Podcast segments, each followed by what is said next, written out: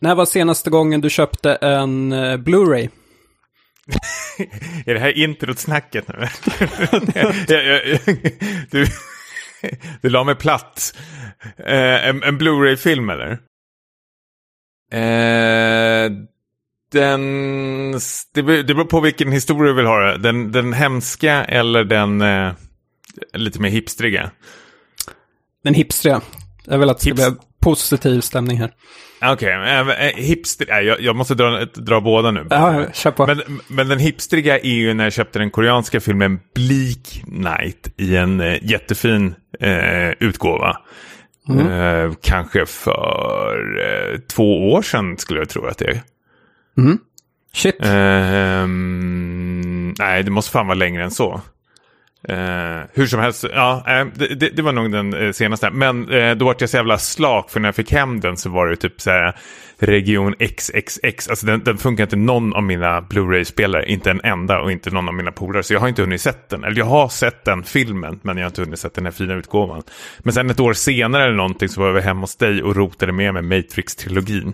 Snodde den. den. Den har jag inte heller sett. Nej. Kanske den ligger här. En Aha. Avatar tog jag också med mig. Den ligger också här. Ja, det är du som har den. Måste se om den inför tvåan. Mm. Uh, Varav denna fråga? Nej, det var, var inget särskilt. jo, det. Nej, men uh, jag har börjat köpa Blu-rays igen. Nej. Nu blir det gubbigt här, nu får du hålla i dig. Ja. Uh, först så köpte jag några Hitchcock Blu-rays. Med några filmer jag inte hade sett för de inte fanns att streama. Sen så köpte jag några John Carpenter Blu-rays. eh, okay. och, och, det var eh, The Fog, Prince of Darkness och eh, They Live. Så här, underskattade Carpenter-filmer från 80-talet. Vänta, vänta, vänta, vänta. Mm. Du, undrar om det, du undrar om det här leder någonstans? Eh, ja, men det, det, gör det säkert, men eh, jag måste bara sticka in med en grej när du säger underskattade John Carpenter-filmer. För jag köpte ju för väldigt länge sedan The Fog på Blu-ray. Och då kommer du hem till mig och ser det, den är inplastad, jag har inte sett den, så säger du den var inte så himla bra den här. och sen dess har den legat inplastad. Alltså det, det, det gjorde sånt jävla starkt avtryck på mig att liksom, jag har inte vågat sett den eh, filmen än. Utan den är fortfarande inplastad. Jag har inte sett The Fog. Aha. Men nu sitter du här och säger underskattad en John Carpenter-film. ja, men den har åldrats som ett eh, fint vin. Eh, så mm, ja, men jag hade mycket mm. inflytande på den tiden, märker man. Mm. Jättebra filmer. Tråkigt nog att typ bara några, någon vecka efter jag hade köpt de här filmerna, jag har ju fått hem dem och så, så jag har ju köpt dem på Diskshop då. Uh, men nu har Diskshop uh, konkat. Ja, jag tänkte precis säga det. det är, ja. Mm. Så det är lite tråkigt. För det är lite så här, uh, jag tänker att nu ska jag börja stötta det här fysiska mediet igen, liksom Blu-ray så här, för, för, jag vill att det ska finnas kvar så här, så jag tänker att jag ska börja köpa, köpa på mig lite. Men det är lite för sent då, för Blu äh, eh, ja, Diskshop har gått i graven. Samma sak hände tidigare i år då jag började prenumerera på PC Gamer. Och när jag hade fått typ, jag vet inte om jag fick ett nummer ens när de mejlade och sa, ja, nu är tidningen nedlagd. Här får du några spelkoder eh, som jag inte har löst in. Händer det inte samma sak med typ såhär level, när, fast tvärtom att du slutar prenumerera på level och då gick de i konkurs? jag var den sista. Var den, den sista ja. levande själen. Ja, precis. Ja, men, um, ja, så jag vet inte liksom. Eh, det är väl grejer som eh, inte, um, inte liksom kommer leva kvar kanske. Men nyfiken och... fråga, är, är det att, eh, för det här finns även att köpa på digitala versioner. Jag tänkte du och jag såg ju eh, till exempel eh, Hellhouse för några mm. avsnitt sedan. Och då köpte jag de här Hellhouse 1 och 2 för det var billigare att köpa dem än att hyra dem. Och de ligger ju på mitt iTunes-bibliotek nu. Jag förstår ja, att det, det, finns något sexigt, men vi pratar, jag, det är förstås min tanke eller åsikt, men vi pratade om det förra avsnittet tror jag, att bokryggar har åldrats så mycket bättre än alltså filmryggar, alltså när man, som man har framme. Men är det någonting du tycker att jag ska ta tillbaka? Eller? Alltså, jag tycker Blu-rays är små och tar inte så stor plats. Är ganska snygga, men jag köper ju bara de allra bästa grejerna. Plus att på de här John Carpenter-filmerna var det nyinspelade dokumentärer. Som gjorde att jag eh, liksom uppskattade filmerna ännu mer. Exklusivt material. Men jag vill inte ha någon så här stor fet box. För det har jag inte plats med. Alien-huvud på Ja. köksbordet. Jag har några sådana boxar i och för sig, typ. Det är väl undantaget. Men, ehm, eh, men, men saknar du de här typ PC Gamer-tidningarna och sånt där? För du prenumererade ju också, minns jag, på liksom level och sånt när det, när det begav sig. Eh, nej, absolut inte. Alltså, jag prenumererar på en tidning. Mhm. Får jag skryta? Nej. Är den där som de hemlösa säljer? Nej, det är Expo. Expo. Nästan Varför fel på Expo? Nej, jag vet Eller är det klär inte mig, tycker du? inte. Brukar du läsa den då, eller ligger den bara där på liksom... Ga- Okej. Ja. Eh, nej, men det, det är väl samtidigt att jag känner att pengarna går väl till något eh, nyttigt eh, där också till eh, just eh, journalisterna på eh, eh Expo. Som gör ett jävla dunderjobb. Men eh, san, annars liksom, alltså om man tänker populärkulturella intressen, alltså som jag har som är filmspel eh, och musik, så tycker jag att eh, alltså jag, jag, internet funkar så jäkla bra för mig. Och självklart finns det något mysigt med det här med pappersform och kanske läsa någon intervju eller någonting. Men eh, ja, jag vet inte, det är ingenting jag saknar direkt faktiskt. Nej. Eh, då tycker jag nästan roligare att läsa typ eh, Vi i Bromma och typ folk på fiket blir intervjuade. Ja. Lokala. Eh, Ja, men precis. För jag vet samtidigt när jag var liten eh, och hade de här, jag tror det var från Superpower och framåt så slutade jag nästan, jag, det känns som jag bara prenumererar på dem på, eh, för sakens skull. För det var ju inte så här superbra texter egentligen i dem. Alltså det var ju ingenting så här gåshuds material Nej. i dem. Och var inga, så här, alltså tv-spelsbranschen är ju så jävla stängd och hemlig. Liksom, så det var inga så här, superspännande intervjuer. Utan så fort Shigeru Miyamoto vart intervjuad så var det om hans jävla mytoman-spelgrotta som han hade när han var liten. Och that's it. Alltså, allting var så jävla eh, tillrättalagt. Och, och även så gäller det väl med typ så här... Eh, filmbranschen också. Alltså jag tänkte på Empire-tidningarna tyckte jag var så... Alltså de var ju spännande på ett sätt, men de var ju väldigt, väldigt, väldigt tråkiga att läsa. Eller? Ja, alltså när de var... De, jag tyckte det var kul när de hade typ så här, det här är bästa filmerna 1995 eller någonting. Mm. Sådana Ja, men listor. listor är alltid kul. Ja, jag kräver inte så mycket mer än listor. Gubbigt, på tal om gubbigt, det är fan det gubbigaste som finns att hylla listor. Eller Ja. gnälla över andras listor, men hylla liksom själva konceptet att lista något. Ja. ja, det är där vi har hamnat.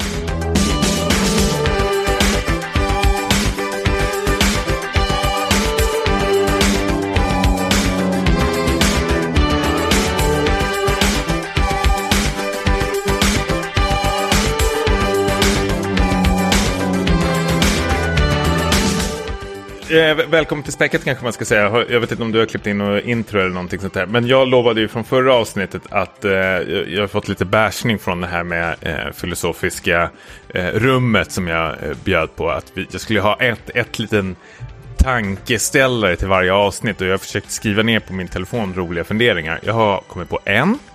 Eh, och jag tänker jag tar, jag tar den här nu med dig och det här är, det är absolut inte filosofisk eller tankeexperiment eller någonting, men den är lite så här härligt smått existentiell som jag har tänkt, tänkt väldigt mycket på sen ungdomens år och fortfarande kan göra eh, fram tills nu. Eh, men nu ställer jag kanske ett litet dilemma här och det är att ehm, all populärkultur som du har varit med om Mm. kan du från och med idag trycka på en knapp så glömmer du bort allting. Men du får liksom återuppleva det igen som om det vore första gången igen. Nackdelen är att från och med idag, om du använder den här grejen, så får du aldrig se några filmer som kommer komma. Eller spel eller någonting. Alltså, Hur går tankarna för det första? Du, jag behöver inte ha något svar just nu. eh, tankarna går väl att typ det första alternativet, då, då har man ju typ så här, det låter mysigt, men det är också så att, ett tecken på att man har gett upp och bara vill typ tillbaks till det gamla trygga och återuppleva, som för sig blir nya grejer då, men Ja, men det, det är inte direkt att det är så något man, man, att man blickar fram emot något nytt och spännande längre. Man vill, man vill stanna här. Mm. Eh, nej, jag måste, nog, jag måste nog ändå säga det senare. Eh, för, för det vill jag ändå liksom eh, pusha på lite, att jag, jag, brukar, jag ser ju mer film nu än vad jag har sett, ser, sett någonsin, tror jag. Mm. Eh, och det är liksom inte bara nya filmer, utan jag så här, upptäcker typ, ja, men så här, filmer från 80-talet framförallt då, men eh, 70-tal, 90-tal som jag typ inte hade hört, hört talas om innan, som, som jag är superpeppad på att se. Så det finns ju hur mycket som helst nytt att kolla Men det här på. var no-brainer för, för jag tänker du och jag pratar ju alltid om de här 5 plus-upplevelser man har varit med om i, i sitt liv. Alltså allt ifrån kanske memento till, eh, ja men jag, jag vet inte, Alien 1 till exempel när man får sin Mm. första chest eh, burster eh, effekt liksom. Eller vad heter de? Ja, jo. Ja, eh, och alltså den, d- den känslan skulle jag vilja återuppleva. Sen vore det kul att ändå ha det här facetet framför sig att liksom Tommy har tydligen gett 5 plus på den här. Men tänk om man sitter där sen och tänker, vad är det här för jävla skit? att man kanske bara sett, satt den där 5 plusaren bara för en jävla grupptryck, Blade Runner. Ja. Niklas säger att The Fog 2 plus.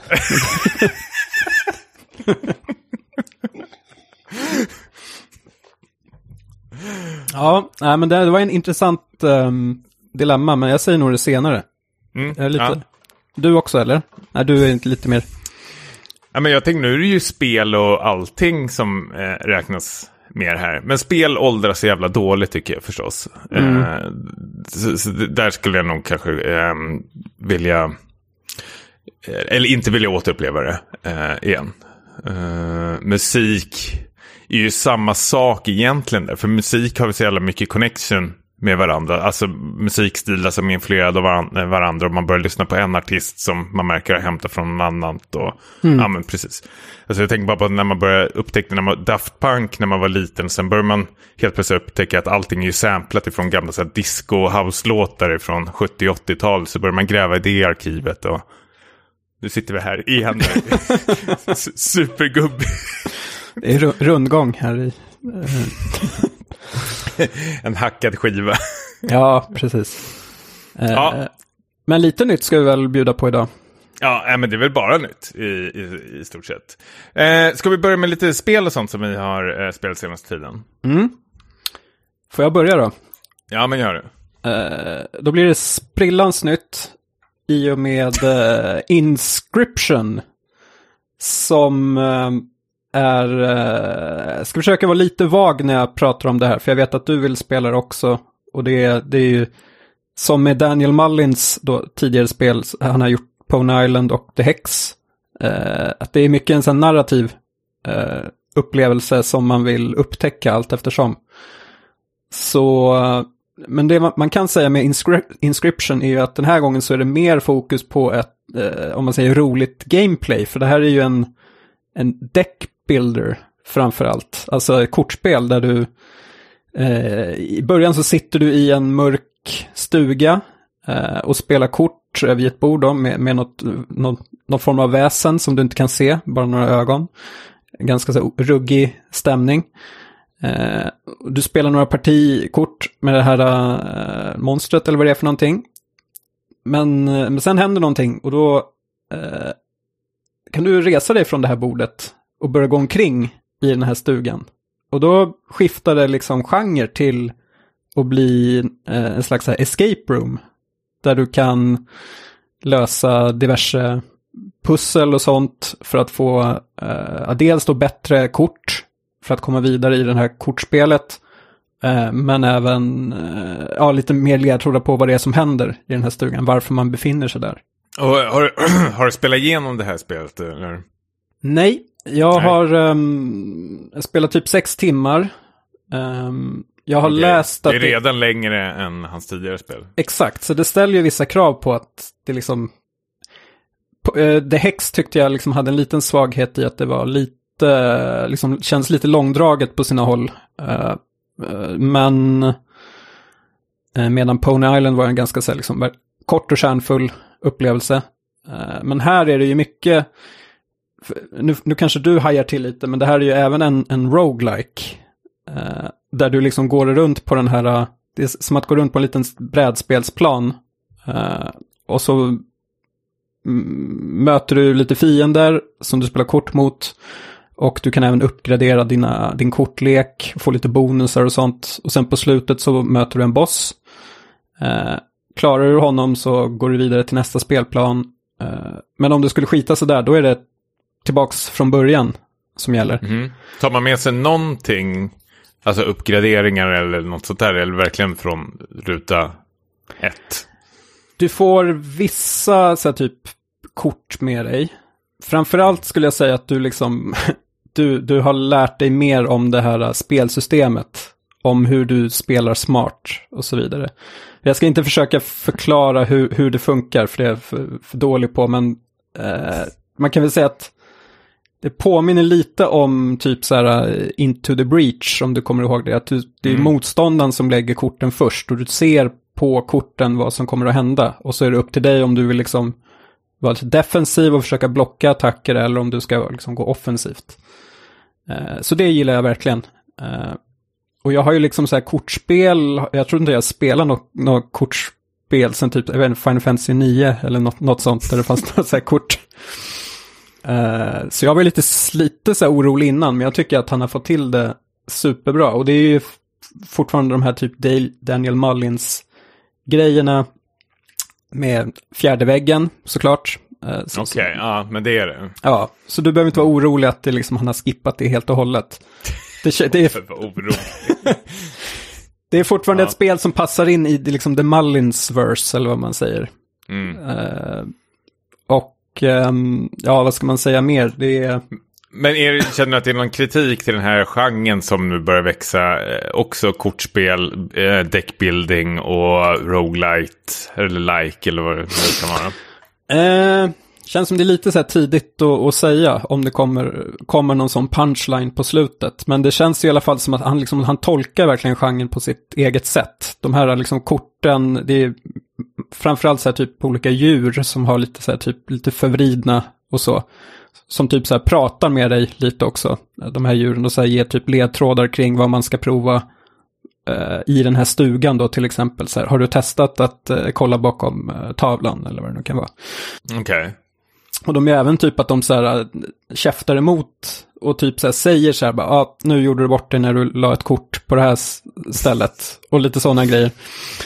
Um, och så finns det ju en story här i bakgrunden som i början är väldigt så här äh, höjd i dunkel. Det är väldigt mycket fokus på kortspelet, men sex timmar in så har det nu börjat hända lite andra grejer, men eh, jag tänker de de håller jag på lite. Eh. Mm, du håller på de korten. Ja. Men eh, hur känner du spontant då? Nu har du inte avslutat, men är det i samma nivå som tidigare eh, av hans spel? Alltså är du nöjd hittills? Eh, jag är eh, mega nöjd. Oj, ja. jag tycker, alltså just nu så skulle jag, alltså Pony Island är svårslaget, men jag tycker att det är klart bättre än The Hex. Mm just framförallt att han har skapat ett sånt robust eh, spelsystem som gör att liksom det, det, tar inte emot att börja om hela tiden. För det går så mycket snabbare, han har lagt in så mycket smarta funktioner så att det liksom ska, inte ska kännas upprepande. Det händer nya grejer hela tiden och det, det är väldigt kul, eh, det här, det här kortspelet. Man märker mycket så influenser från så brädspel och sånt, så det är väldigt lyckat och det har en otrolig atmosfär också. Så... Fan vad jag älskar Morgan. Alltså är han vår nya Kojima? Jag tror det. ja, men jag, jag han är ett geni. Han, han, är ju ett nytt, han är ett geni och vi har ju höjt honom till skyarna här i eh, podcasten. Alltså, det är ju han och Denis Villeneuve som vi pratar väldigt mycket gott om. Men han, han, han är ju helt klart, eh, nu har ju inte jag spelat det här men jag har spelat två tidigare spel och älskar dem ju. Det är båda två är ju i stort sett fem plus. Men han är ju helt klart eh, spelvärldens, och du, det du har sagt om det här, mest intressanta spelskapare tycker jag. Um, nu ska, nu ska jag inte regna på någons parad, men det finns den här baronen tänkte jag säga. Men nu glömmer jag bort vad han heter. Han som gjort de här Stardew Valley-spelen har ju släppt någon ny screenshot på sitt eh, nya spel. Eh, och folk gick väl typ bananas. Men jag tyckte det såg så otroligt, otroligt tråkigt ut. Eh. Ja, det är det där chocolate-spelet. Ja, äh, det var någon, för mycket så här guldfaktor. Och sen... Äh, jag vet inte, jag tycker det, det är sådana här spelskapare som äh, Golgan som måste lyftas fram ännu mer. Äh, faktiskt. Jag vet inte vad jag vill säga med det där. Nej, men jag, jag tänker li, lite samma sak, men också så här att jag vill ha honom lite för mig själv, Mullins. Att han liksom mm. så här, jag vill inte att han ska bli för stor. För att eh, det känns som att, för vi var ju med från början med, med Pony Island här. Det är som en sån indie-artist som man inte vill ska slå igenom och liksom sälja ut. Men det, det var det jag var lite... Mono spelar på Södra Teatern nästa år. Fy fan. ja, nej men i, i Inscription, han har inte sålt ut eh, vad, vad, det verkar i alla fall. Ja, eh, liksom när man verkligen tror att okej, okay, nu kan jag det här spelmomentet eh, liksom utan och innan, då, då introduceras någonting nytt och, och spelet tar en ny riktning. Så att mm. Mullins det, det, is back. Ja, det jag menar med är att det är en artist som, eh, precis som många andra artister, måste också ha en eh, inkomst. Alltså det, det, jag tror inte det är pissbilligt det han gör. Och jag, utan att veta någonting så tror jag faktiskt inte att varken Pony Island eller The Hex har sålt så här. Det har säkert sålt jättebra, men jag tror inte han liksom badar i pengar av det. Eh, Medan typ, ja men, eh, jag vet inte, Slime Simulator eller vad fan de heter nu. Eh, mm. tjänar typ så här tusen miljoner mer än honom. Nej, jag vet mm. inte. Det är bara jo, någonting som sticker lite i ögonen här. Och det, och det handlar inte mer om att, att vänstern ska bli rikast, utan jag vill bara att han ska... Man vill ju se mer från den här spelskaparen. det är ju bara en tidsfråga tills det kommer fram att han är ett jävla as också. Ja, jag hoppas verkligen att det inte är så. Men jag hoppas lite att det är så. ja, framtiden får utvisa. Mm. Uh... Expo sätter dit honom. Precis, det är en bra, bra artikel. Ja, precis. smalt, Rasisten. Smalt som fan. Ja. Expos prenumeration skjuter i höjden. Liksom. Två stycken, ja jag Fyra, då. Ja men precis, fyra sidor eh, reportage om Danny Mullins. Mm. Om na nazisten bakom spel. Eh, ja. ja. Mm. Um, vad har du eh, spelat då? Ja, jag har faktiskt spelat två spel. Eh, jag ska inte prata så mycket om själva spelen kanske, utan mer hur jag har eh, spelat dem. Jag har spelat eh, Crosscode och Life is Strange 2. Crosscode eh, har jag varit pepp på ett bra tag. Det är det här eh, 2D action RPG-spelet som är lite så här Super Nintendo-grafik. Eh, ett eh, top-down-spel där du ska liksom ta dig igenom eh, diverse dungeons. Och Life is Strange 2 är ja, eh, uppföljaren till eh, det här um, ja, eh, förra Life is Strange-spelet. Bara att det är en helt ny story. Men det som hände när jag spelade Crosscode var att jag gillade otroligt mycket till en början. Eh, men sen händer det någonting med det här spelet att det är sådana här dungeons likt liksom Zelda, Link to the Past som man hoppar in på. Och då tänker man väl att det här kanske är lite mysigt, men grejen med de här dungeonserna är att de är ja, för mig är de fem timmar långa. Alltså det är pisslånga dungeons och dungeonserna består nästan eh, i stort bara av pussel. Och det är helt okej okay pussel. Jag skulle vilja säga att de är relativt eh, smarta, men de är väldigt så här, upprepande eh, tycker jag till varandra. Och det blandas med lite action-RPG-element i det, eh, bara för att få någon variation i det. Men sen när jag kom till andra palatset så känner jag att det här är ju exakt samma sak igen, bara att det är svåra pussel och man får en typ ny e, liksom, ability som man ska lösa det här pusslet med. Eh, så jag började titta upp en trofélista och sa, ja, om jag klarar det här spelet så får jag en Platinum gratis och det ser väl bra ut i biblioteket. Mm. Men sen kom jag på mig själv att vad fan håller jag på med egentligen? Att jag bara ska spela igenom det här spelet. Alltså jag, jag kom bara på mig själv att jag hade så tråkigt att jag till och med kollade upp lösningarna på de här pusslen bara för att komma vidare. Eh, så jag gjorde något som jag inte har gjort på flera år. Jag kan inte minnas mig själv göra. Jag stängde av spelet och avinstallerade det. Oftast när jag spelar spel, hur dåliga de är, så brukar jag ändå få, alltså det är någon slags OCD jag har i mig, mm. att ja, men jag måste få ett bokslut på det. Jag, må, jag, måste ta mig igenom den här jävla skiten. Eh, annars liksom gills det inte. Mm. Men det var en sån jäkla skön känsla för mig. Jag ska inte, absolut inte säga att Crosscode är ett jävla skitspel, men det är absolut inget spel för mig. Och jag, och det, det ställer en fråga till dig också samtidigt. Också. Jag, jag måste lära mig, och har lärt mig lite nu, att kunna liksom släppa ett spel och säga fan det här var inget kul, det här var ingenting för mig och verkligen, ja, ah, sorry, jag gick bet på det, och, men nu måste jag ta mig vidare. Och sen kanske, jag hade också problem med förut var att kanske man såg så här, fan jag har bara tagit 2% av på listan här. Så kanske ska kamma in några så det ser lite snyggare ut. Skitkonstigt alltså. Ja. Hur, känner du igen dig i det här eller? Ja, absolut. Um, och det är lite så här, um, jag har försökt bli lite mer som, som du beskriver här. Att liksom mm. skit, skit i skit i vad andra tycker, att du har inte spelat klart det här spelet och så vidare. Men, och framförallt när man, eh, innan Inscription så hade jag tagit nästan så två månader spelpaus. Eh, mm. För det var inget just då som jag verkligen ville spela. Det kändes att det var väldigt så här bra att göra det, för då byggdes det upp ett sug. Sen när Inscri Inscription var så bra så känns det som att det, man märker hur många andra spel är så otroligt mediokra. Eh, och då är det så här, va, varför ska jag lägga tid på mediokra spel när det finns så mycket bra grejer? Då kan man hellre låta bli. Eh, men jag har ju också den där OCD-grejen, typ att så här, nu har jag börjat titta på Mythic Quest till exempel. och, och här, det, måste jag, alltså, det måste jag ju titta klart på, för annars så, det, ja, det, svid, det svider. Ju, Ja, tv-serier är så jävla farligt. Mm. För det är samma sak med, jag börjar titta på, och det är absolut ingen dålig serie, men jag börjar titta på Mr. Robot nu. Och jag såg ju bara fram till första säsongen och sen tänkte jag men det här är väl okej okay. och sen bara glömde jag bort det och sen började alla liksom, säsonger trilla in liksom. Nu börjar jag ta igen det. Men liksom, jag kommer ihåg att jag var så irriterad att jag var tvungen att sitta och vänta på Mr. Robot-säsongen. Men så var jag tydligen så irriterad att jag till och med glömde bort den serien. Ah, Ja. Det, det blir bara superkonstigt helt plötsligt. Men jag måste bara prata... Eh, för, får, jag, bara får jag bara säga ja, om, om, om, om Mystic Quest? Uh, du det, tycker det är piss?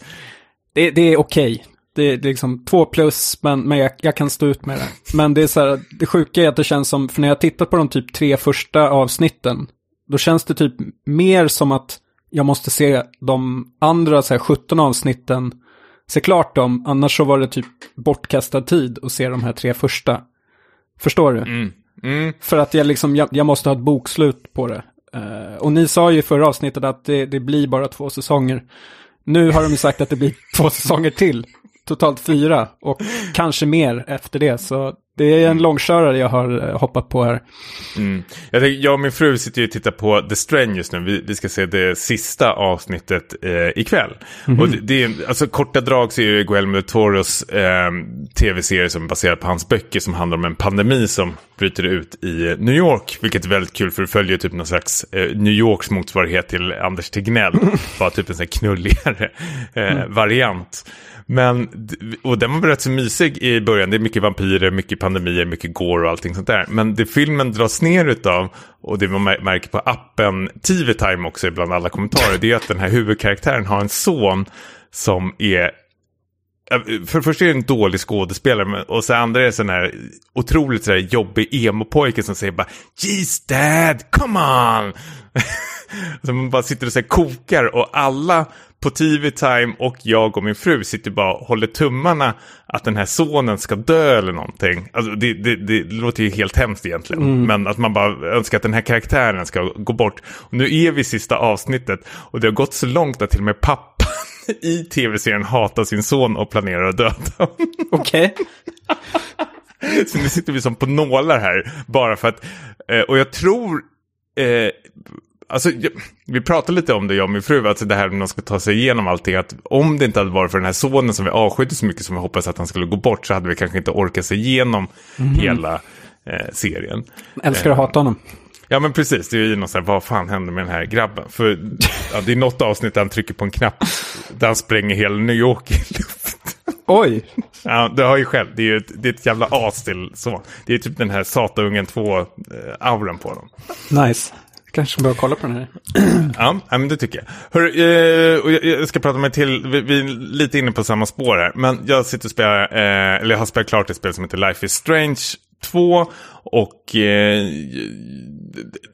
jag, jag tycker inte om det så jättemycket. Men jag ska, jag ska skicka i- ett eh, videoklipp till dig här så ska du få eh, kommentera vad du ser för någonting. Ja, nu börjar jag titta. Nu är de tältar på någon hike.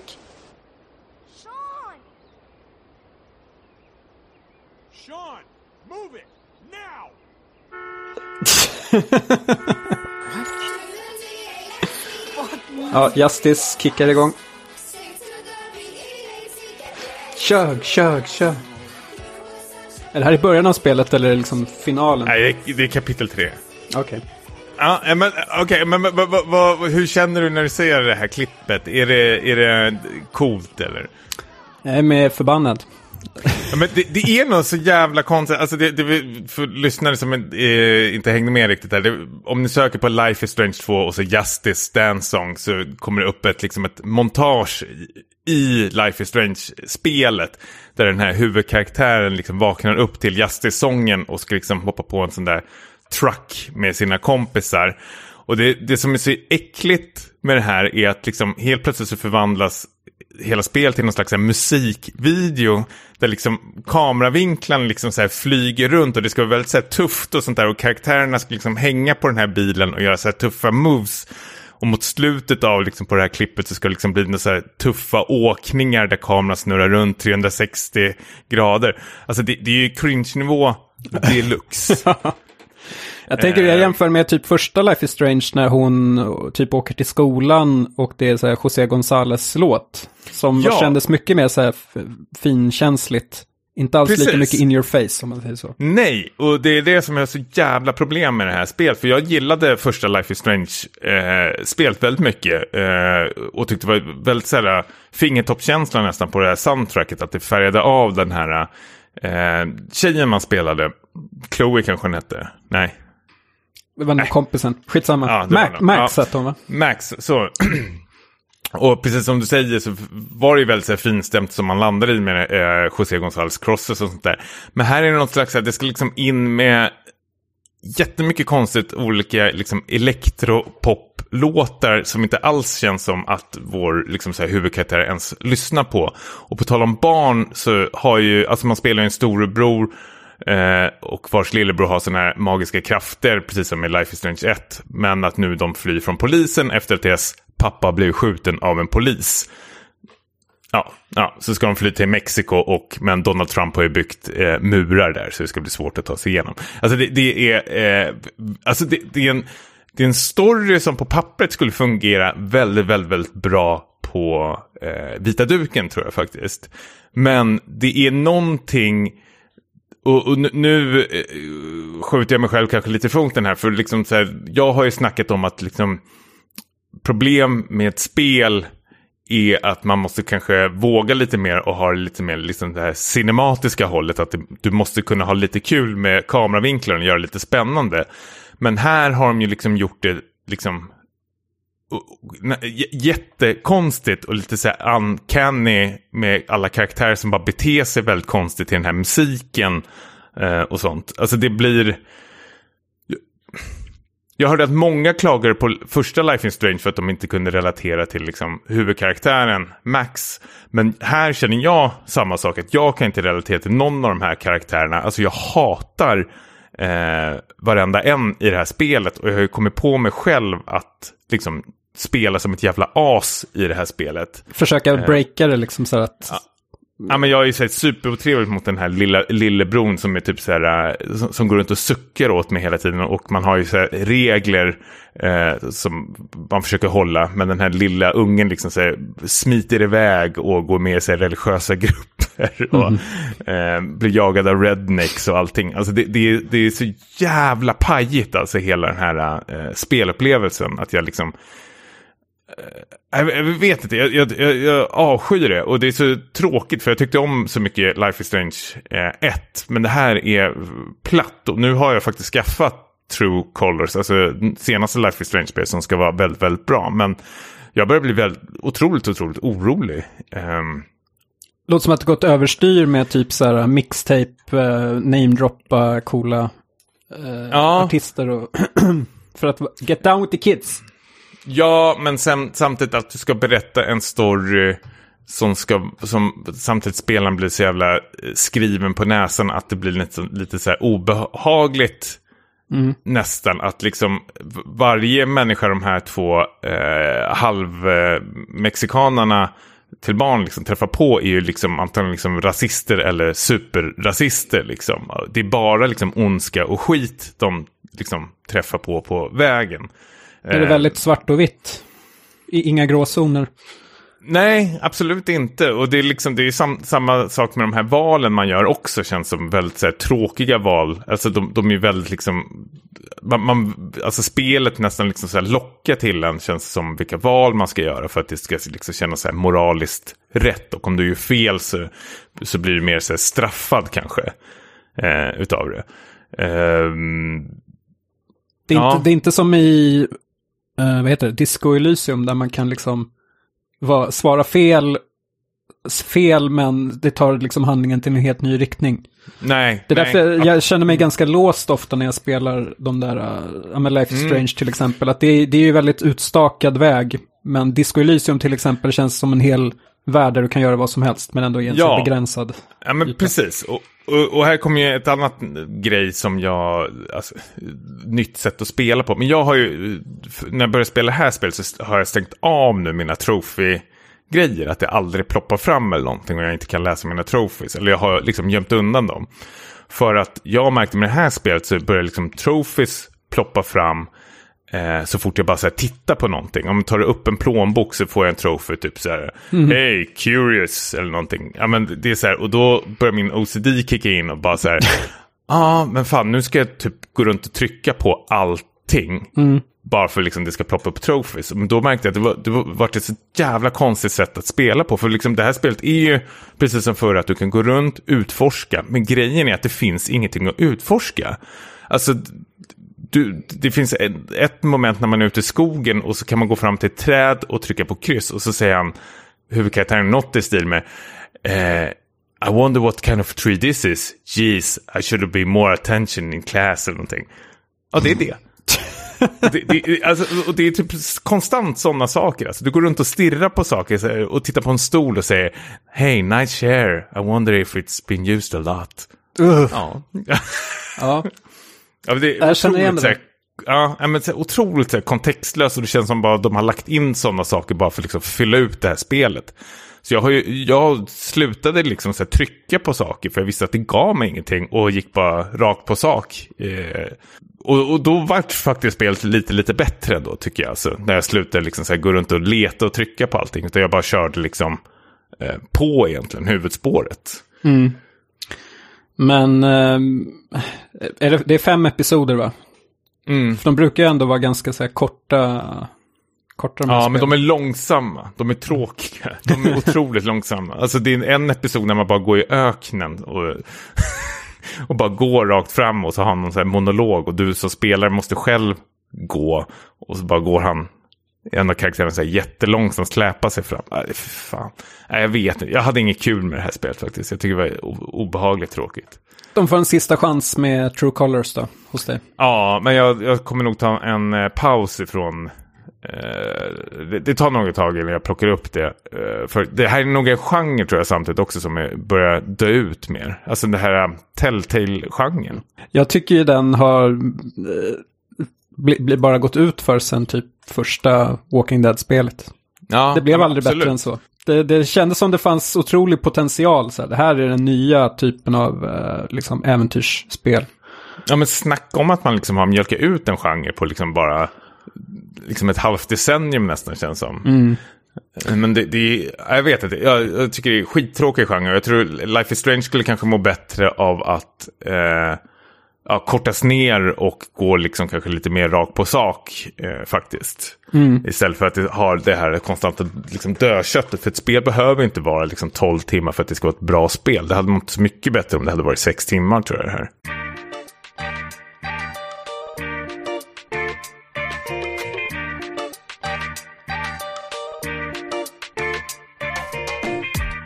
Ja, för några avsnitt sen så eh, startade vi en eh, liten cirkel, många cirklar i Vi går, här- vi går i cirklar. Vi går i cirklar. Nej men vi eh, tittade på Hellhouse för jag fick väl för mig att eh, found footage-genren är...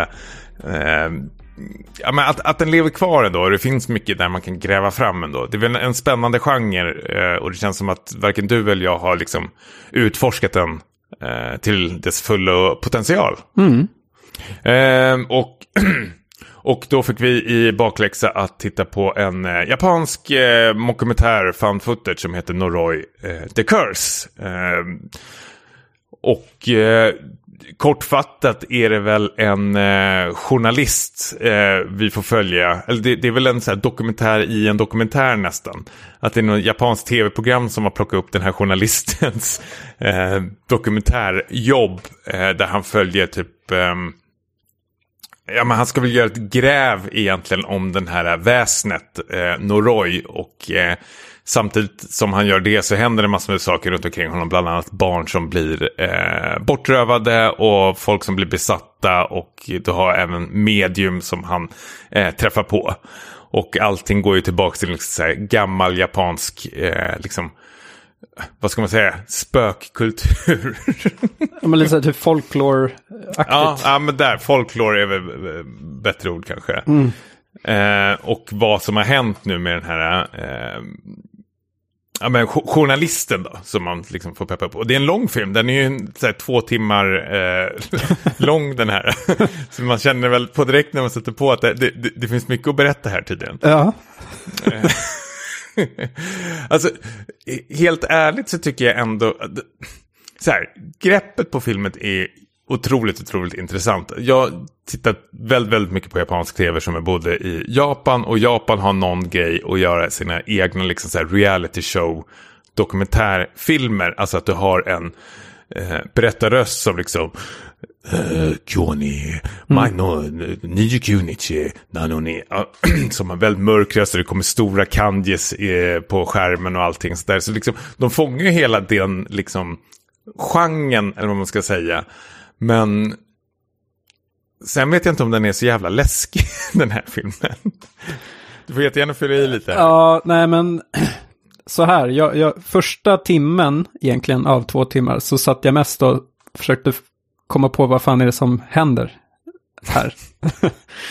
För det som du säger, det är många så här korta klipp efter varandra, tv-klipp, intervjuklipp när han liksom, eh, folk öppnar dörrar och skriker åt honom och så vidare. Eh, och, och jag förstår ju ambitionen med att, eh, att det här, allt det här hänger ihop på något sätt. Eh, och det kommer leda fram till någonting. Men eh, jag tyckte inte att det här var särskilt bra. Faktiskt. Vad, vad, vad var det för något som det saknades? Ja, men ja, som du sa där så den är inte läskig. Och jag är ganska lättskrämd i vanliga fall.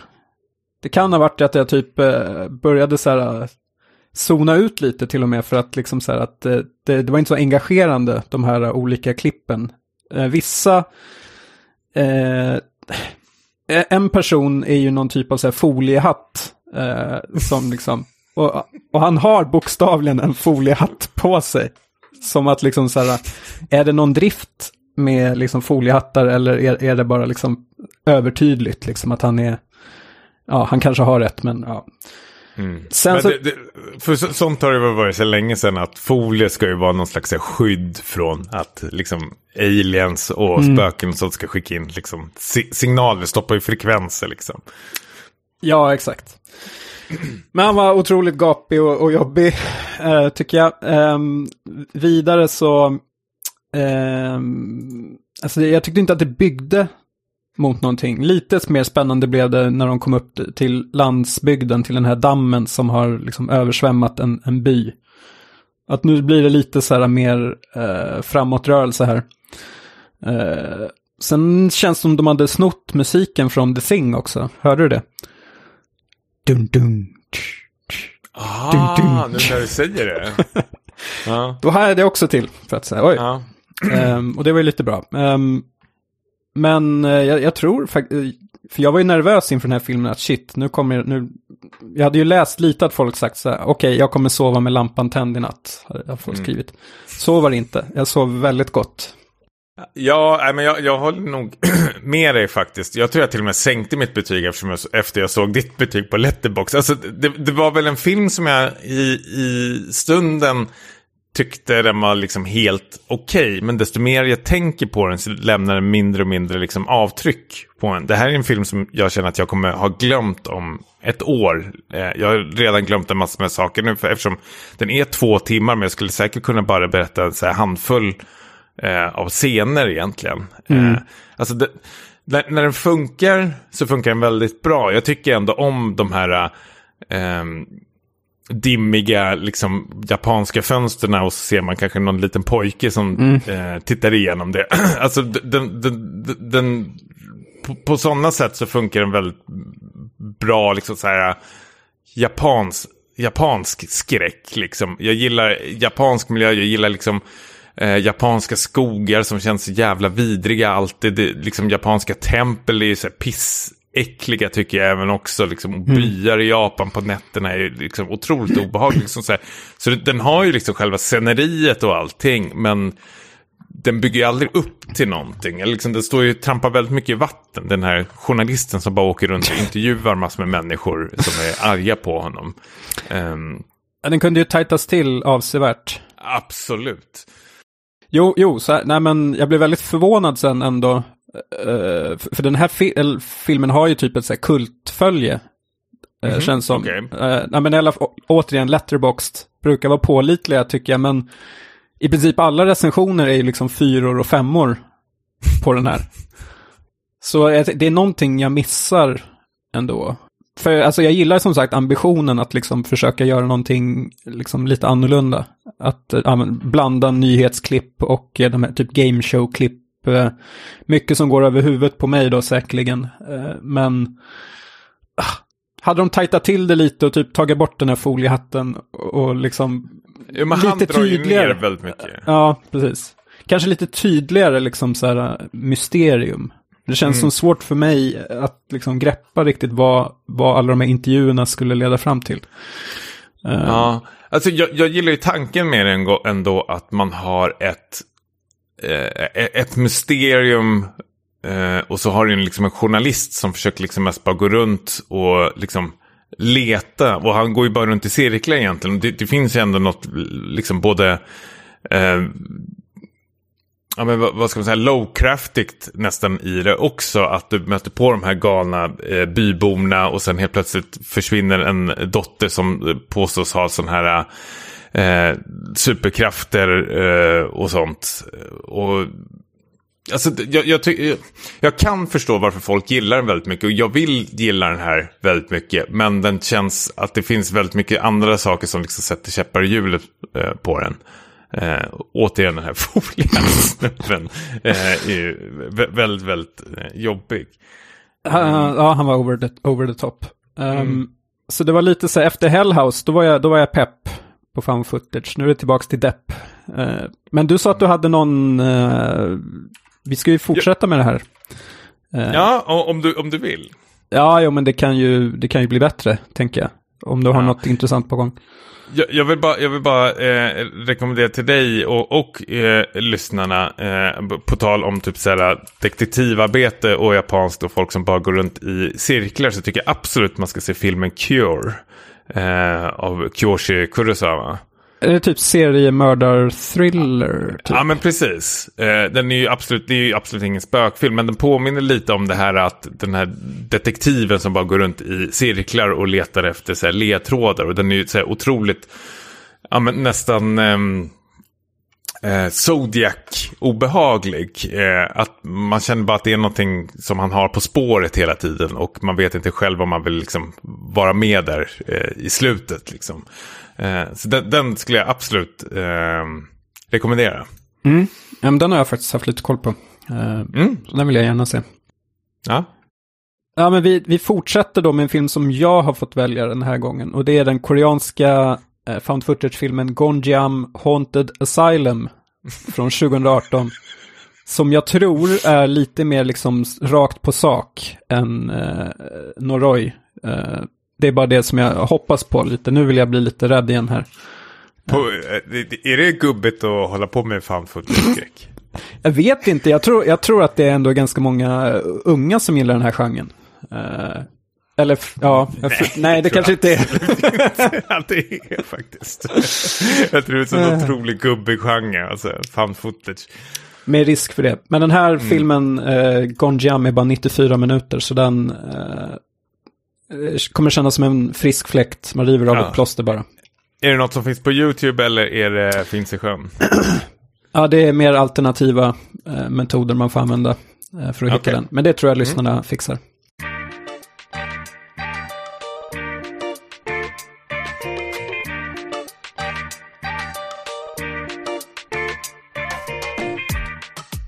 Eh, ja, men vi har ju båda sett eh, Netflix-serien Midnight Mass eh, av Mike Flanagan som är väl mest känd för eh, House on Haunted Hill. Missar alltid namnet eh, på de här serierna som... Den heter väl så va? Uh, House on Haunting Hill är väl den där skräckfilmen. The Haunting of Hill House. Och sen har du väl The Haunting of Bly Manor. Precis. Ehm, och han har även gjort eh, en del filmer, nu senast uh, Doctor Sleep. Mm, ja, men precis. Så det är väl mycket så här, han... eh, jag tänker ju mycket på så här, typ Stephen King när jag ser hans filmer och serier. När det gäller karaktärer och typ vad som händer. Och, ja, Doctor Sleep är ju såklart en Stephen King-bok, så det är inte så himla konstigt.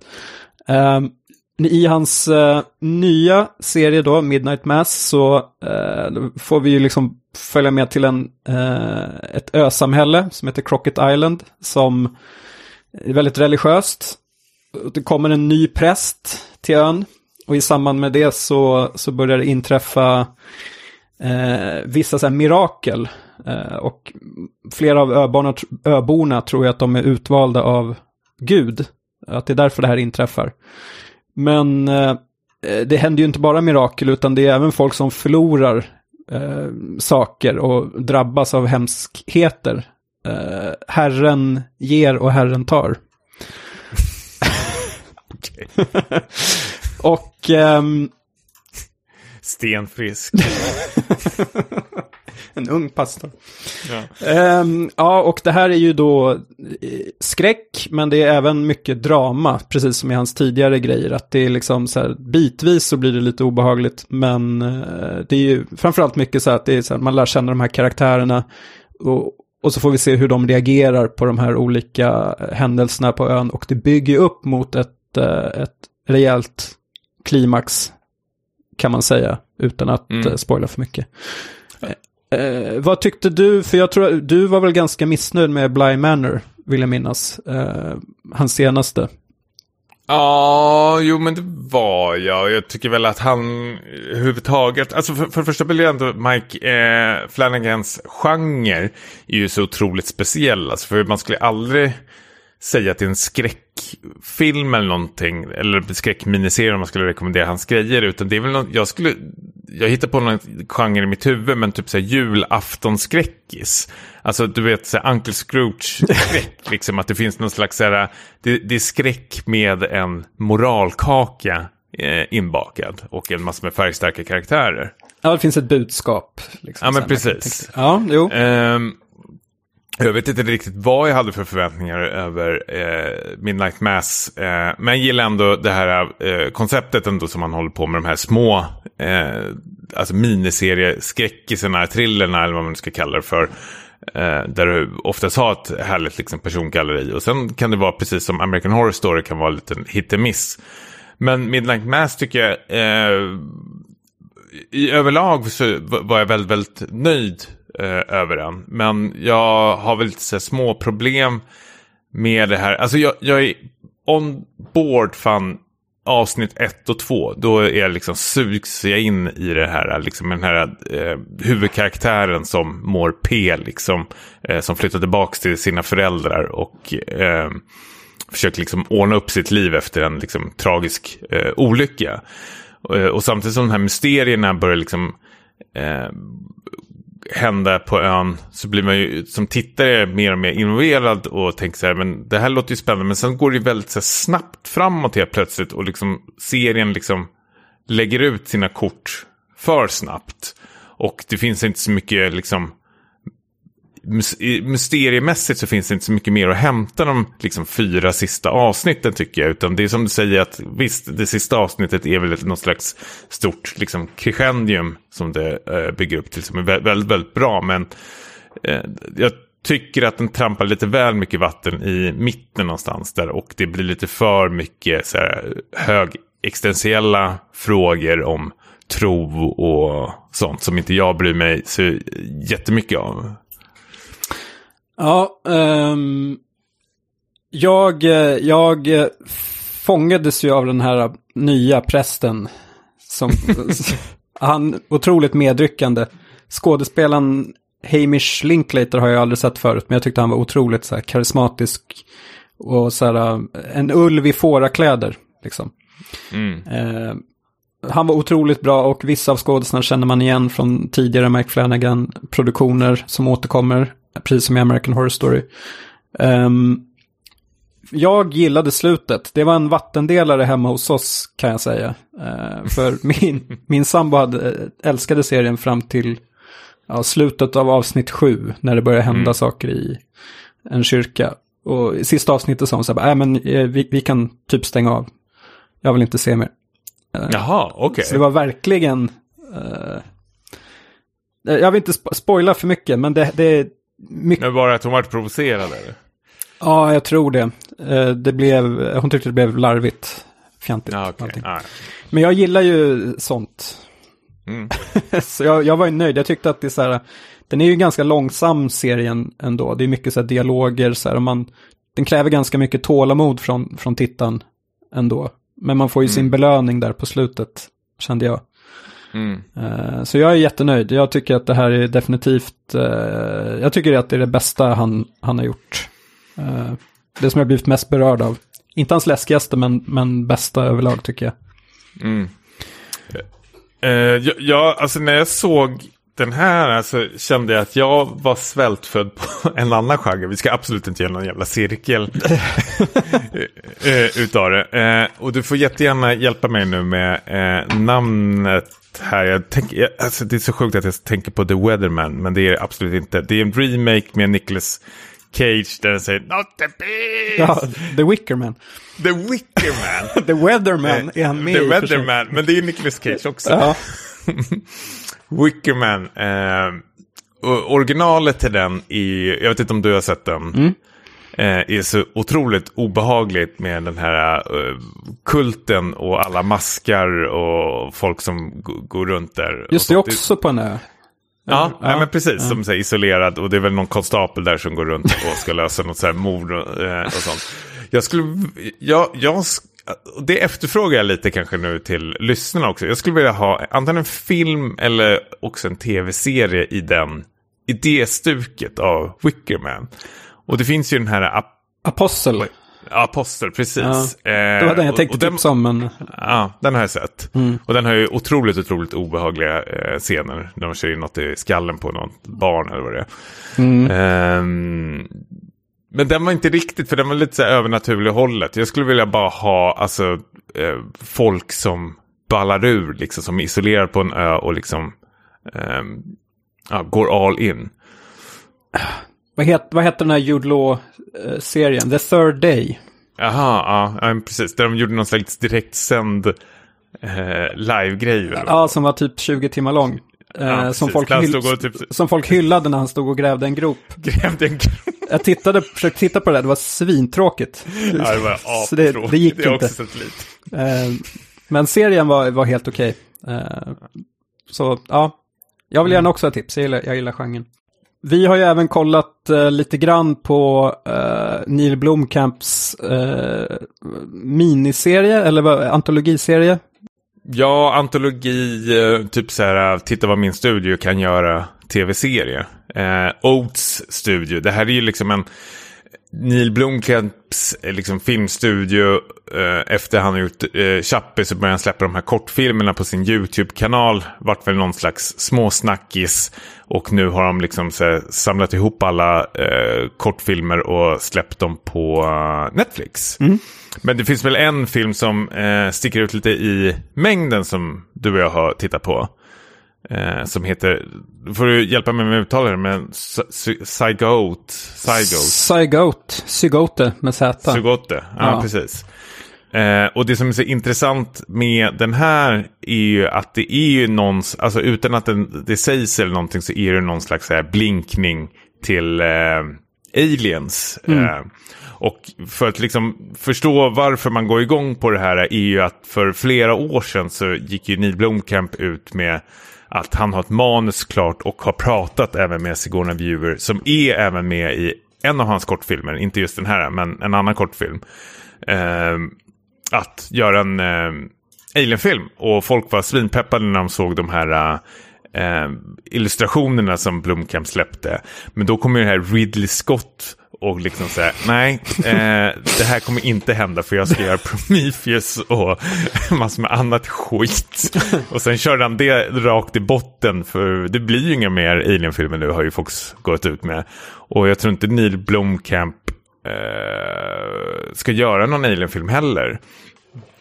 Och, alltså jag har ju en väldigt så här, problematisk relation till Blomkamp. Alltså det började ju redan för typ så här, 20 år sedan där han började släppa massor med så här, små videos. Och Peter Jackson plockade upp honom för att de skulle göra Halo-filmen. och redan då kände jag att så här, yes, alltså jag, har du sett den kortfilmen när det är typ ett gäng soldater som går och så ett så här, rymdskepp som går efter. Den är så Nej. otroligt, otroligt välgjord. Och jag tror jag såg om den så här, flera gånger och kände så här, att det här är det, det är så otroligt snyggt. Men då släppte han i alla fall District 9 som är... Eh, ja, men den är fan helt jävla otrolig. Alltså. Den är skitbra. Och då liksom vart man eh, peppad på Blomkamp. Och sen släppte han Elysium och Chappie. Elysium är helt okej. Jag tycker den är bra. Men jag kan förstå varför folk kanske inte tycker den är så jätterolig. Men Chappie är väl så här... För den är väl det är bara, dålig. ja, det är snodd av Johnny Five och de där filmerna. ja, men, och så är det väl så här, The Antwoord är väl med också. Oh. Men, men, men grejen är att um, Neil Blomkamp har... Eh, han, han har liksom universumet, men han kanske har problem med manuset. För liksom, det vi ser i den här kortfilmen är ju... Alltså var det bara jag som tänkte, det var ju Dakota Fleming och så är det en till eh, skådespelare som jag inte vet namnet på. Eh, Ja, det är någon som är med i hans tidigare filmer i alla fall, såg jag. Ja, men någon av hans kom- precis. kompisar. Ja. Eh, som är liksom instängda i någon bas och blir förföljda av en så här, rymdvarelse som är helt jävla awesome. Eh, men det jag tänkte på när jag såg henne, Newt. Mm, ja. Håret, en, så här, och en, en, en äldre Newt. Och det var ju det liksom så här vad hans film skulle ta vid av, var det väl snack om. Att det skulle vara efter Aliens, vad jag förstod det som. Och man skulle följa Newt och Bishop. Ja, precis. Jag för mig att det, det som gjorde mig lite irriterad då var att han typ började prata om att så här, ja men vi, Alien 3 skiter vi. Det kändes som ett personligt påhopp eftersom jag älskar den filmen. Det var då jag fick ett så här, horn i sidan till Blomkamp. Men jag kände, alltså han, man såg ju här att han har ju verkligen så här svåra aliens-komplex. Det här är liksom han, hans ventil. Han måste få utlopp för, för sina idéer eftersom han nu kanske inte får göra någon alien-film. Eh, men alltså det, det är otroligt snyggt som sagt. Och det är liksom manusbiten som det brukar falla på. Men det eh, drabbas ju inte de här kortfilmerna på samma sätt. Men jag kände mycket när jag såg det här att det kändes mycket väldigt så här tv-speligt. Att han kanske skulle kunna eh, ta över någon tv-spels-franchise eh, och göra film av. Jag tänker kanske... Ja, men- Resident Evil eventuellt. Eh, Dead Space kanske. Eller rent utav Dino Crisis. Men, men vad menar du? Att han ska göra ett tv-spel? eller Att Nej, han ska göra en eh, film om... Eh, han, ska, han ska göra tv-spelsfilmer, filmatisera. Ja... Ja, nu har vi ju pratat om det. Både Halo, sen har han gjort eh, filmen till Anthem, gjorde han ju, innan Anthem släpptes. Så, så gjorde han ju någon releasefilm till den ju. Så, ja, men varför inte? Det, det jag ändå är, är sugen på, jag vill ju se mer av Blomcap, men sen såg jag nu att han hade släppt en, en film. Och tänkte, eh, det, det, här, det här blir väl intressant eller någonting. Så började jag läsa om den och det skulle vara det sämsta jävla skit som har släppts. I år.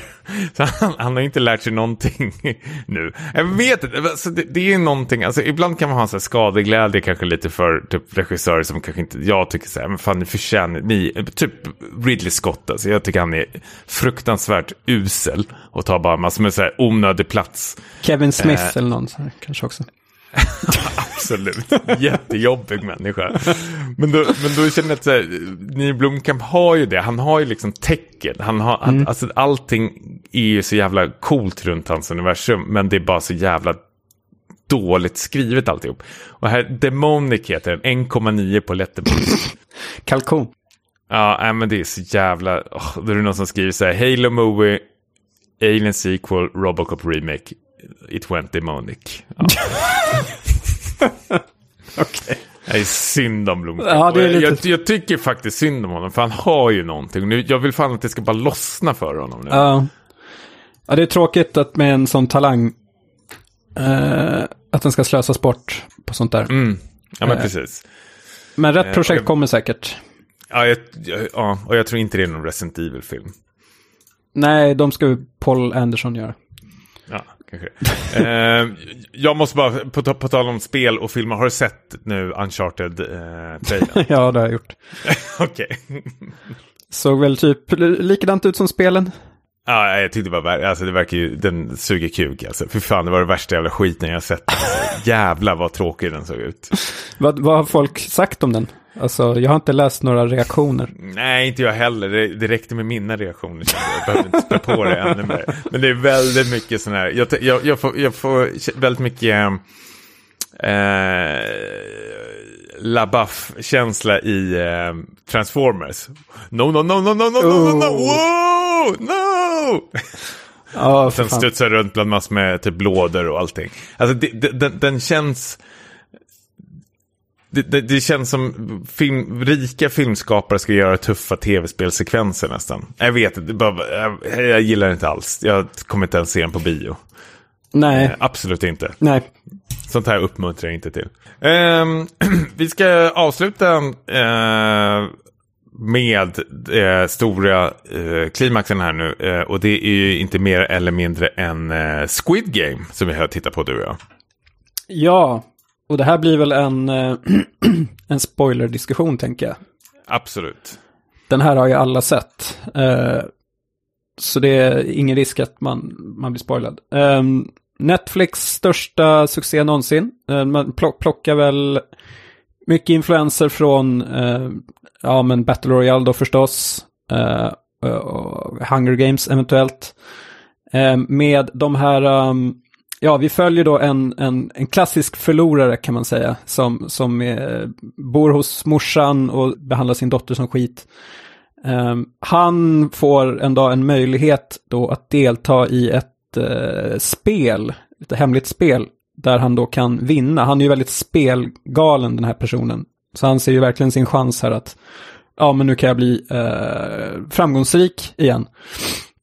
Och han, eh, det han inte vet då är att han och eh, 455 deltagare till eh, skickas då till en, en ö där de ska utkämpa sex olika spel på sex dagar och eh, Last Man Standing tar hem alla pengarna.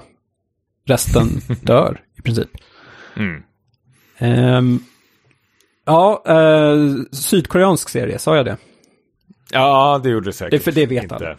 Ja. Eh, vad, vad säger vi om det här? Det här har jag sett fram emot att prata om kan jag säga. Ja men absolut. Eh, jag är ju en sucker för typ sådana här eh, last man standing. Eh, filmer, manga, anime och allting. Så jag hade faktiskt, om jag får skryta, lite koll på den här serien, eller väldigt mycket koll på den eh, innan den kom ut och hade den på watchlist och såg fram emot den. Och sen vet jag fan vad som hände, eh, hur och varför det här exploderade. Jag vet inte om det var blivit någon så här supermarknadsföring på TikTok bland annat, att de har lyckats slå igenom där. Men den har ju, precis som du säger, verkligen, verkligen eh, slagit igenom överallt på sociala medier och nu börjar liksom till och med skolorna varna för att barnen leker Squid Game på skolgården. Superlöjligt, men det är en helt annan diskussion. Um, grejen är när man har sådana här eh, eh, last man standing grejer eller spel eller filmer eller någonting som till exempel eh, As the Gods Will som jag tycker väldigt mycket om som Takashi Mika har gjort en filmversion utav. Eh, är ju att alla ska ha samma förutsättningar och att du ska liksom kunna lura spelet. Vi såg även det i den här Netflix-serien som finns nu också i Alice in Borderlands. Som är samma princip egentligen. Men det jag inte tycker om med Squid Game är att för det första har inte alla samma förutsättningar och det känns för mycket så här random och att det är, det, det, den, den faller på att det inte finns några, liksom, att spelarna inte är smarta på det sättet att de liksom lurar spelet. Jag vet inte om jag hade för höga förväntningar här. Men jag känner att varje spel är liksom orättvist. Och visat här och eh, gissade hemma hur vissa spel eh, skulle sluta. Till exempel när de sitter och spelar kula. Att så här skulle man kunna göra för att liksom så här bryta spelsregler och alla skulle kunna gå vidare. Mm. Eh, men det gjorde de inte. Utan de, de körde bara, det var ju bara en ren avrättning genom hela serien. Nej men eh, intressant. Jag hade ju inga sådana, eller liksom förhoppningar, alltså eller att, eh, eller höga förväntningar kanske man kan säga. Ehm, men jag tänker, ja men det var ju orättvist i spelen för att, uh, men den här gangstern till exempel, han, eh, han fuskade väl och, och liksom så här typ dödade folk. Jag tänkte, skulle inte det vara någon typ jag vet inte, kommentar kring att så här, det, det är de starkaste som, som vinner, i, även ute i, eh, i den riktiga världen, att det här är någon spegling liksom. Mm, okay. Möjligt, jag vet inte.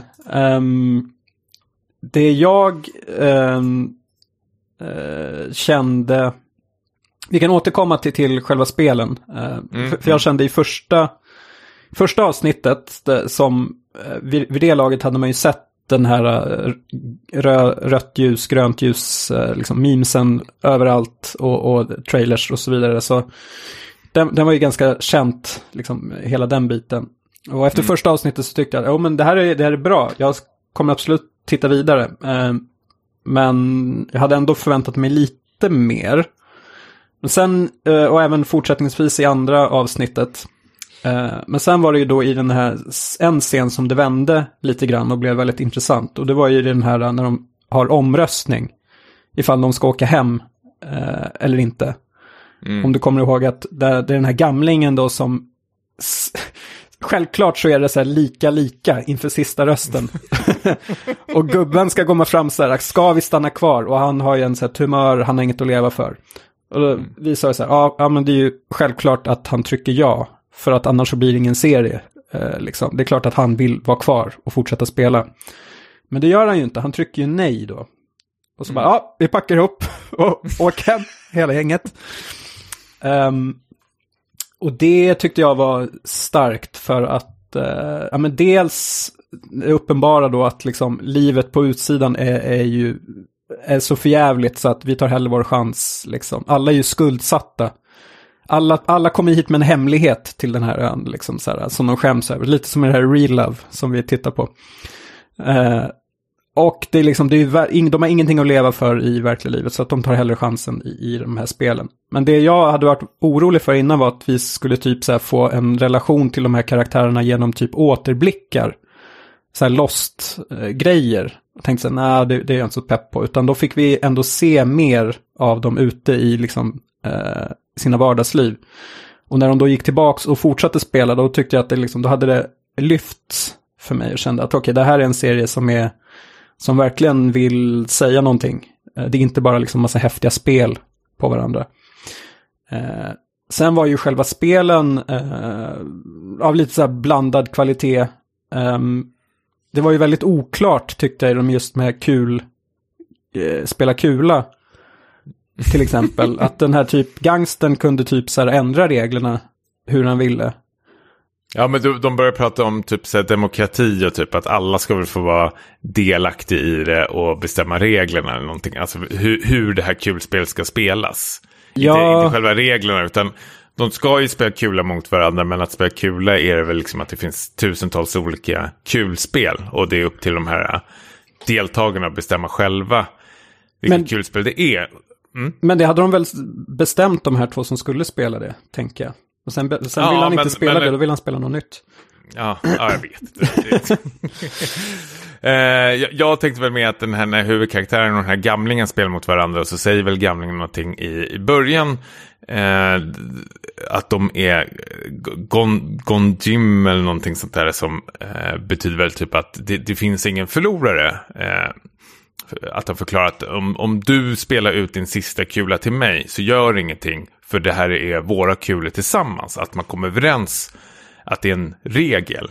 Och då tänkte jag och min fru att åh vad nice, de har liksom spelet vänts på det sättet att de, hittar på egna spelregler, att de här kulorna har de gemensamt. Och sen är bara spelet ett, ett spel och, så kommer de vidare båda två. Eh, men så var det ju inte. Det gick inte att lura spelet. Nej, nej precis. Och det är det jag kanske eh, saknar som mest i det. För jag är ju inte så superintresserad av de här eh, karaktärerna faktiskt. Det är väl några av dem som är eh, lite smått intressanta. Men jag känner på de här eh, killen från Persien. Som, eh, Pakistan var det va? Pa- Pakistan pratar persiska.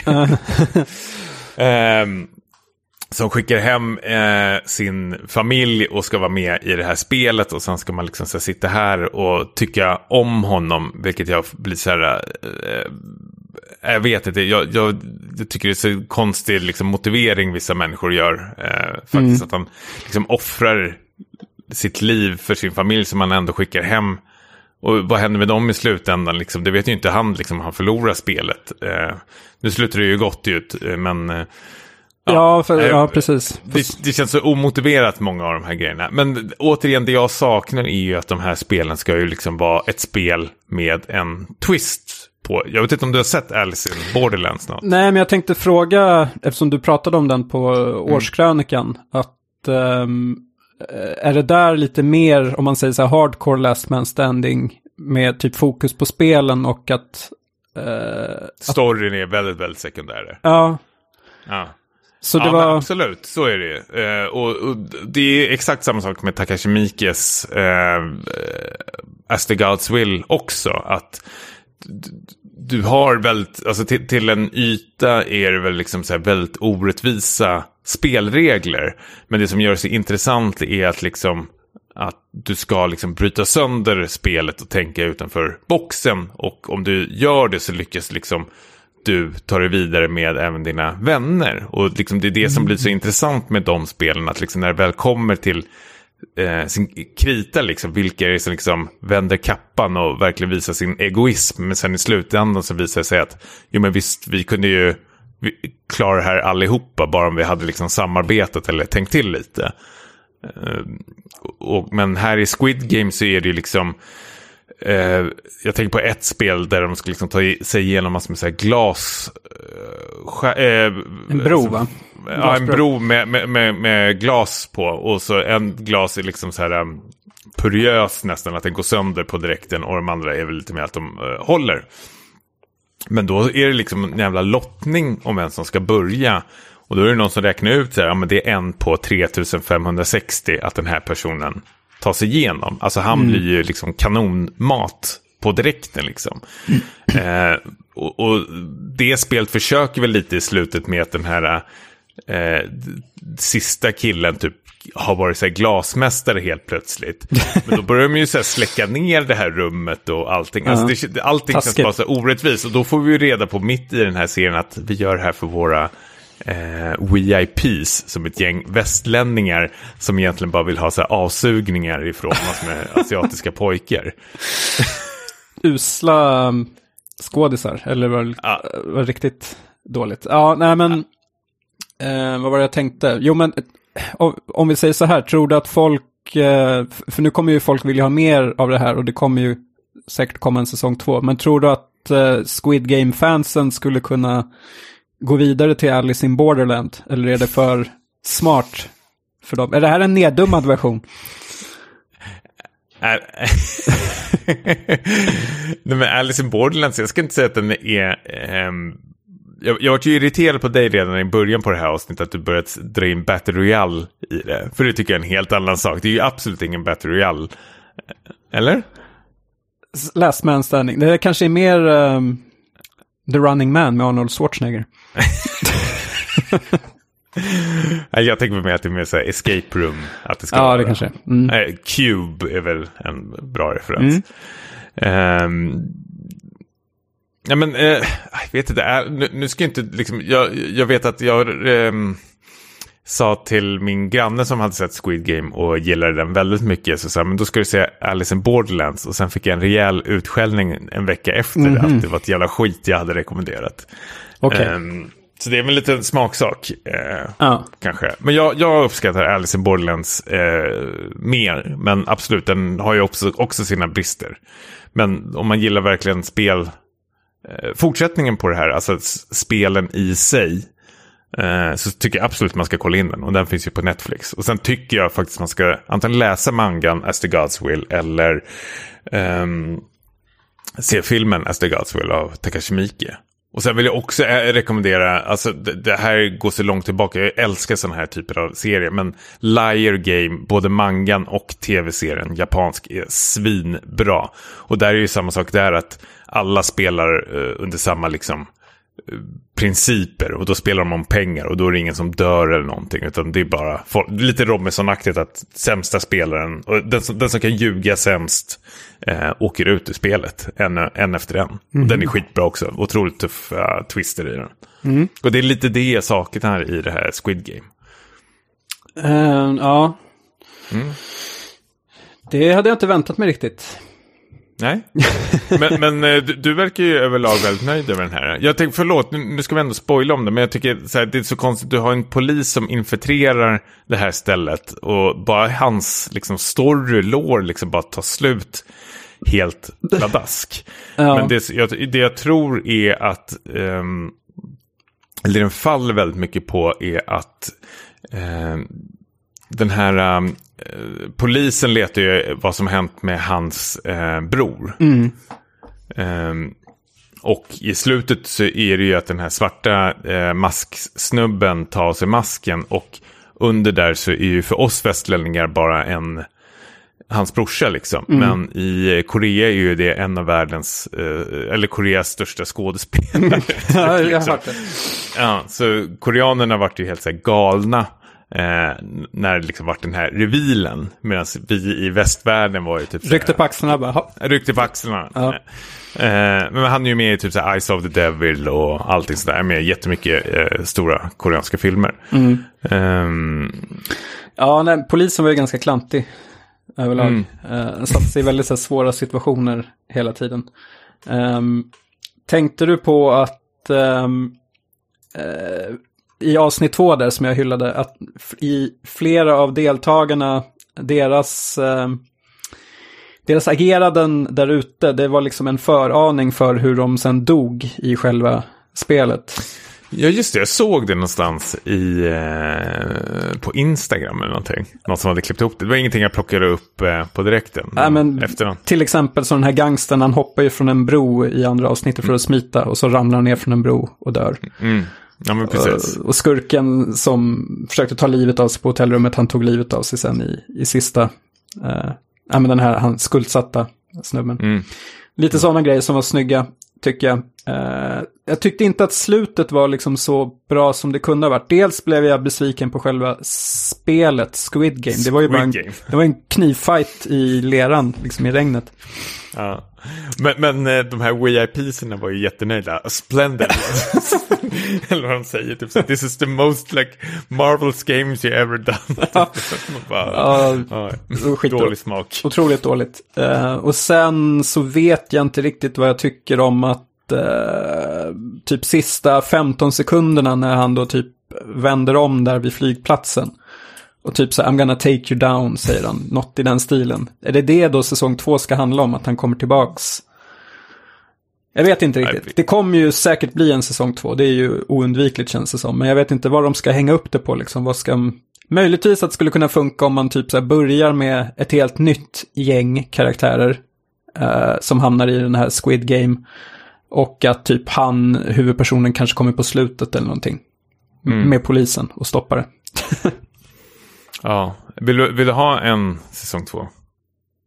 I, alltså jag är alltid lite så här försiktig, så här, om något jag har gillat, liksom, eh, om jag har sett något jag verkligen gillat så tänker jag så här, förstör inte det här nu med en, en sämre fortsättning. Så, eh, men, ja, svårt att låta bli kanske. Men jag, jag, jag ser väl hellre kanske de här andra grejerna du har rekommenderat. Jag tror det kommer dröja säkert flera år i så fall innan vi får en Squid Game 2. Han verkar ju vara helt slutkörd, den här eh, regissören och manusförfattaren. Eh, Mhm, okej. Nej, men han, Med vad jag hört. Ja, men att, han- alltså, han hade ju stora problem under inspelningen, eller inför tror jag, att han fick typ sälja sin dator för att ha råd. Eh, han tappade flera tänder också för att han var så stressad eh, över allting. Och han har ju typ gjort, han har väl skrivit manus och regisserat liksom och legat bakom allting, så det är en otrolig prestation från hans sida. Så han kommer ju behöva avlastning nu för att liksom eh, fortsätta det här i säsong två. Eh, så ja, eh, det kommer komma, så, så det, det är bara liksom att, att tacka och ta emot. Tandlös. Tandlös regissör.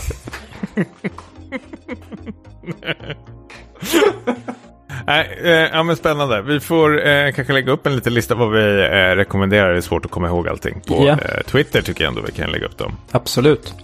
Um, Coolers, har du något mer? Nej, jag är ganska nöjd så. Ja. Ehm, då tackar vi för oss och så hörs vi till eh, nästa gång. Vi struntar i sån här eh, var vi hittar oss. Va? Ni hittar oss om ni vill. Ha det bra! Tja då!